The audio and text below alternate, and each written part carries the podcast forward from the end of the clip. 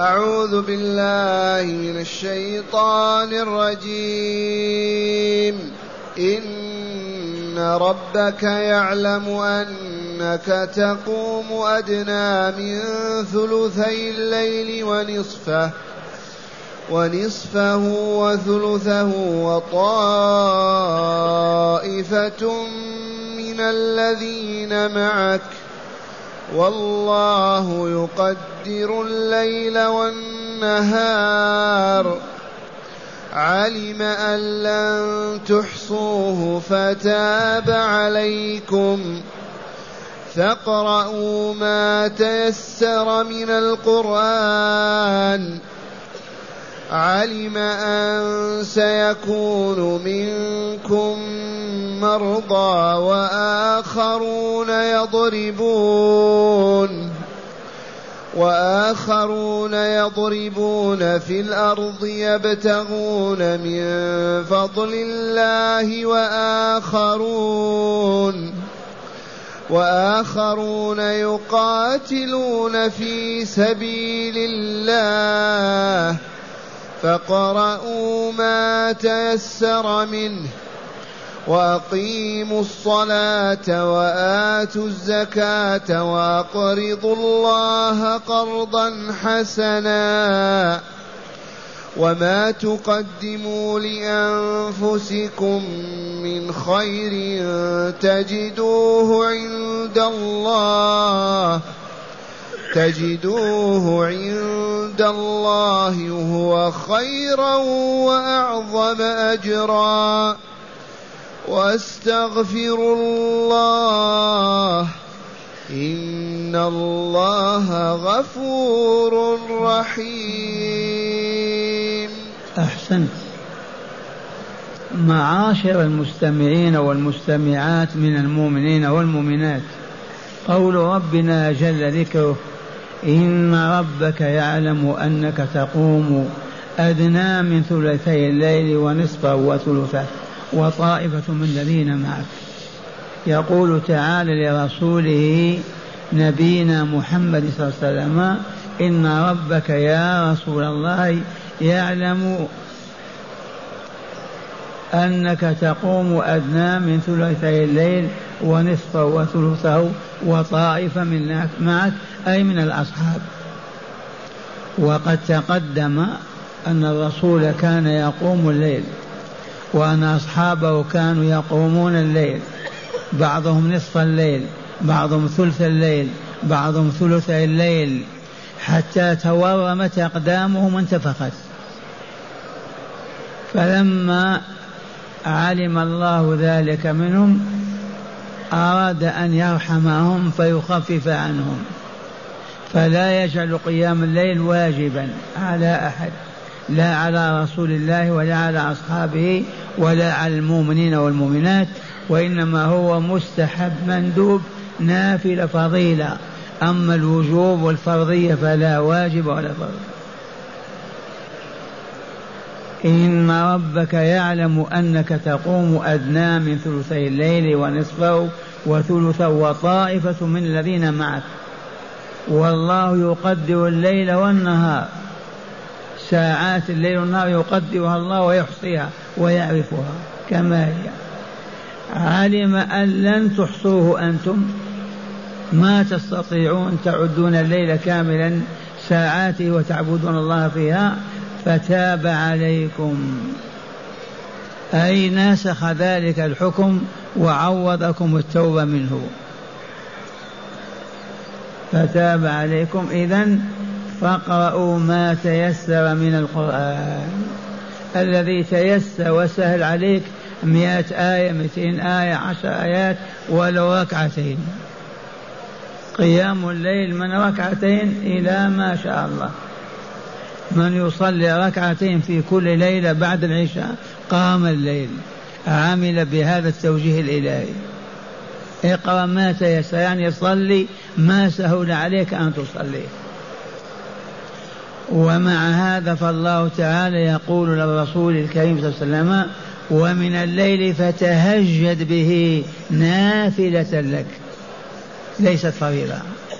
وكان عليه الصلاة والسلام يصلي بالليل ثلاث عشر ركعة. ركعتين خفيفتين يفتتح بهما صلاته ثم يصلي ركعتين لا تسع عن طولهما ثم ركعتين ثم ركعتين ثماني ركعات ثم يصلي الشفع ركعتين وفي آخر أيام يصليهما جالسا ثم يوتر بركعة فتصبح إحدى عشر ركعة. وإذا أضفنا ركعتين لافتتاح الصلاة فهي ثلاث عشر ركعة. ما زاد على ذلك. وما زال أهل الإيمان والصلاح يصلون هذا العدد. وفي رمضان من يصلي ثلاثة وعشرين خمسة وعشرين. والكل واسع. فاقرأوا ما تيسر من القرآن يعني بذلك القراءة في الصلاة التي تصلونها. علم تعالى أنه سيكون منكم مرضى. وآخرون يضربون في الأرض التجارة وآخرون يقاتلون في سبيل الله. لعلم الله بهذا خفف عنا. علم أن سيكون منكم مرضى. المريض ما يستطيع أن يقوم الليل. لا ثلثه ولا ربعه ولا نصفه. المسافر للتجارة ليعمل على قوته وقوت أهله. وقوت بعض الفقراء والمساكين هذه عبادة تجارة ينقل من بلد إلى بلد. ثالثا المقاتلون في سبيل الله. كيف يستطيعون يقومون الليل؟ علم أن سيكون منكم مرضى وآخرون يضربون في الأرض أي التجارة ويقاتلون في سبيل ثلاث أصناف مرضى وتجار يتنقلون من بلد إلى بلد ومجاهدون يقاتلون في سبيل الله. هكذا يقول تعالى علم أن سيكون منكم مرضى وآخرون يضربون في الأرض أي التجارة يبتغون من فضل الله المال الذي يطعمون أهلهم به وأقاربهم ومن في حاجة إليه. وآخرون يقاتلون في سبيل الله فبناء على هذا فقروا ما تيسر منه الذي سهل وتيسر عليك اقرأه ركعتين أربع ركعات ستة ثمانية عشرة ما سهل عليك وتيسر صليه بالليل بعد العشاء. والصلاة لابد من قراءة القرآن فيها. لا صلاة بدون قراءة القرآن. فاقرأوا ما تيسر منه أي من القرآن. كالركعتين والأربع والست والثمانية والعشر. كالمئات آية وعشر آيات. وأقيموا الصلاة وآتوا الزكاة وأقرضوا الله قرضا حسنا. بعدما خفف عنهم قيام الليل رحمة بهم وشفق عليهم ولطفا بهم فلله الحمد أمرهم إذا بالفرائض أقيموا الصلاة بلا تساهل وآتوا الزكاة وجوبا بلا تساهل وأقرضوا الله قرضا حسنا ادفعوا المال للجهاد تضعونه في يد الله عز وجل قرضا حسنا. بعدما خفف عنهم قيام الليل ويسره لهم وأجعل أصبح مستحبا فاضلا ليس بفريضة ولا بواجب أرشدهم إلى ما هو أعظم. فقال إذا وأقيم وأقيموا الصلاة وآتوا الزكاة وأقرضوا الله قرضا حسنا. ما القرض الحسن الذي ما فيه رياء ولا سمعة ولا ولا ثم قال تعالى وما تقدموا لأنفسكم من خير تجدوه عند الله هو خيرا وأعظم أجرا. ففتح لهم باب النفقات والصدقات والصلاة والعبادات. وما تقدموا لأنفسكم من خير كان سواء صدقة مال صلاة صيام رباط جهاد أمر بالمعروف نهي عن المنكر كل خير تقدمونه هو أعظم عند الله أجرا. يجزيكم به ويضاعف لكم أضعافا مضاعفة. هكذا يقول تعالى لهم وما تقدموا لأنفسكم من خير تجدوه عند الله يوم القيامة. الحسنة بعشر بعشر الحسنة بمئة الحسنة بألف. هو خيرا وأعظم أجرا. ثم أرشدهم فقال واستغفروا الله. نستغفر الله وكان النبي صلى الله عليه وسلم يستغفر في اليوم مئة مرة. يستغفر الله في اليوم مئة مرة. واجعل لك وردا كالرسول صلى الله عليه وسلم. أستغفر الله أستغفر الله مئة مرة. نستغفر الله على ذنوبنا التي مضت. وفعلناها ونحن جاهلون. أو ما أسلمنا بعد. واستغفر الله إن الله غفور لمن تاب رحيم بمن أناب. المهم أن تستغفر الله من كل ذنب قارفته في الجاهلية أو في الإسلام وتب إلى الله عز وجل تجد الله غفورا لك رحيما بك. هكذا تعالى يرشد عباده المؤمنين فيبين لهم أنه نسخ عليهم قيام الليل. ما يستطيعونه وأرشدهم إلى العلل التي منعت ذلك السفر والجهاد والمرض ثم أرشدهم إلى ما هو خير والفرائض إقام الصلاة إيتاء الزكاة الجهاد في سبيل الله. ثم بشرهم بأنه يتوب عليهم ويغفر لهم وهو الغفور الرحيم. اللهم اجعلنا منهم يا رب العالمين. والآن مع هداية الآيات. بسم الله والحمد لله والصلاة والسلام على خير خلق الله سيدنا ونبينا محمد وعلى آله وصحبه. من هداية هذه الآيات أولا بيان ما كان الرسول صلى الله عليه وسلم وأصحابه يقومونه من الليل تهجدا. من هداية هذه الآيات التي قرأناها وتدارسناها بيان ما كان عليه رسول الله صلى الله عليه وسلم وأصحابه من قيام الليل. من التهجد. أحيانا نصف الليل أحيانا ثلثي الليل أحيانا ثلث الليل. ولطف الله بهم وبنا ورحمنا واياهم فرفع هذا الواجب وجعله مستحبا. نعم. ثانيا نسخ واجب قيام الليل وبقاء استحبابه وندبه. أين. نسخ واجب قيام الليل. من هداية هذه الآيات نسخ واجب قيام الليل. قيام الليل كان واجبا. يا أيها المزمل قوم الليل إلى قليل وبين له والمؤمنون معه. فنسخ الله تعالى هذا الواجب وترك المستحب. المستحب الفاضل. من ركعتين إلى ثلاث عشر ركعة إلى ما شاء الله. في حدود طاقتك وقدرتك. ثالثا وجوب إقام الصلاة وإيتاء الزكاة. من هداية الآيات وجوب إقام الصلاة. ليس نافلة هذه ولا فضيلة وجوبا حتميا. وكذلك إيتاء الزكاة لمن كان عنده مال صامت أو ناطق ووجب فيه الزكاة يجب أن يزكيه. أقيموا الصلاة وآتوا الزكاة. نعم. رابعا الترغيب في التطوع من سائر العبادات. من هداية الآيات الترغيب في التطوع في النوافل. الرباط الجهاد الصدقة المال الأمر بالمعروف الذكر الدعاء. رغبنا الله في النوافل كلها.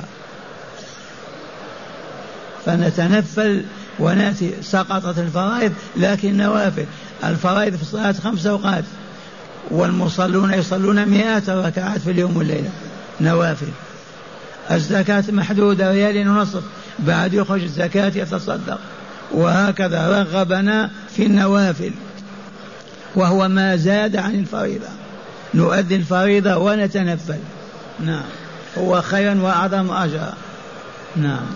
وأخيرا وجوب الاستغفار عند الذنب وندبه واستحبابه في سائر الأوقات لما يحصل من التقصير. من هداية الآيات وجوب الاستغفار عند الذنب. من أخطأ من أذنب ذنبا يجب أن يقول أستغفر الله أستغفر الله أستغفر الله. هذا واجب لا محالة. أيما مؤمن أو مؤمنة ارتكب زلة يجب أن يقول أستغفر الله وهو عازم على أن لا يعود لذلك الإثم وهو باكي ومتحطم على أنه ارتكب هذا الإثم. وجوب الاستغفار عند كل ذنب ومشروعية طول العام كما قلت لكم.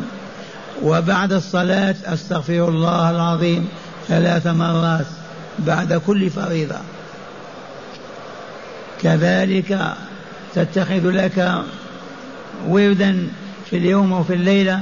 تستغفر الله مئة مرة سبعين مرة كما كان الرسول يستغفر.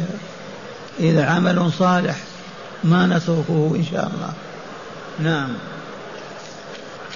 والآن نستمع الآيات مجودة مرة ثانية ونتأمل ما فهمناه منها. أعوذ بالله من الشيطان الرجيم. إن ربك يعلم أنك تقوم أدنى من ثلثي الليل ونصفه ونصفه وثلثه وطائفة من الذين معك والله يقدر الليل والنهار. علم أن لن تحصوه فتاب عليكم. فاقرؤوا ما تيسر من القرآن. لحظة. علم أن لن تحصوه في ذلك الزمن. من يعرف نصف الليل؟ من يعرف ثلث الليل؟ ما في ساعات. أما الآن نعرف نصف الليل كم ساعة ثلثه كم ساعة سدسه كم ساعة لوجود هذا العلم الذي أحدثه الله بنا وبينه لنا. أما على عهد الرسول وأصحابه وقرون من يعرف نصف الليل؟ كيف يعرف نصف الليل؟ اجتهاد فقط. يقول قم ثلث الليل أو نصفه. بالإجتهاد فقط. أما الآن كل مؤمن ساعة في عند منامه يستيقظ الساعة السادسة السابعة الثامنة كما شاء قولوا الحمد لله. علم أن لن تحصوه فتاب عليكم. فاقرأوا ما تيسر من القرآن. علم أن سيكون منكم مرضى وآخرون يضربون في الأرض وآخرون يضربون في الأرض يبتغون من فضل الله وآخرون وآخرون يقاتلون في سبيل الله فاقرؤوا ما تيسر منه وأقيموا الصلاة وآتوا الزكاة وأقرضوا الله قرضا حسنا وما تقدموا لأنفسكم من خير تجدوه عند الله تجدوه عند الله هو خيرا وأعظم أجرا واستغفروا الله. إن الله غفور رحيم.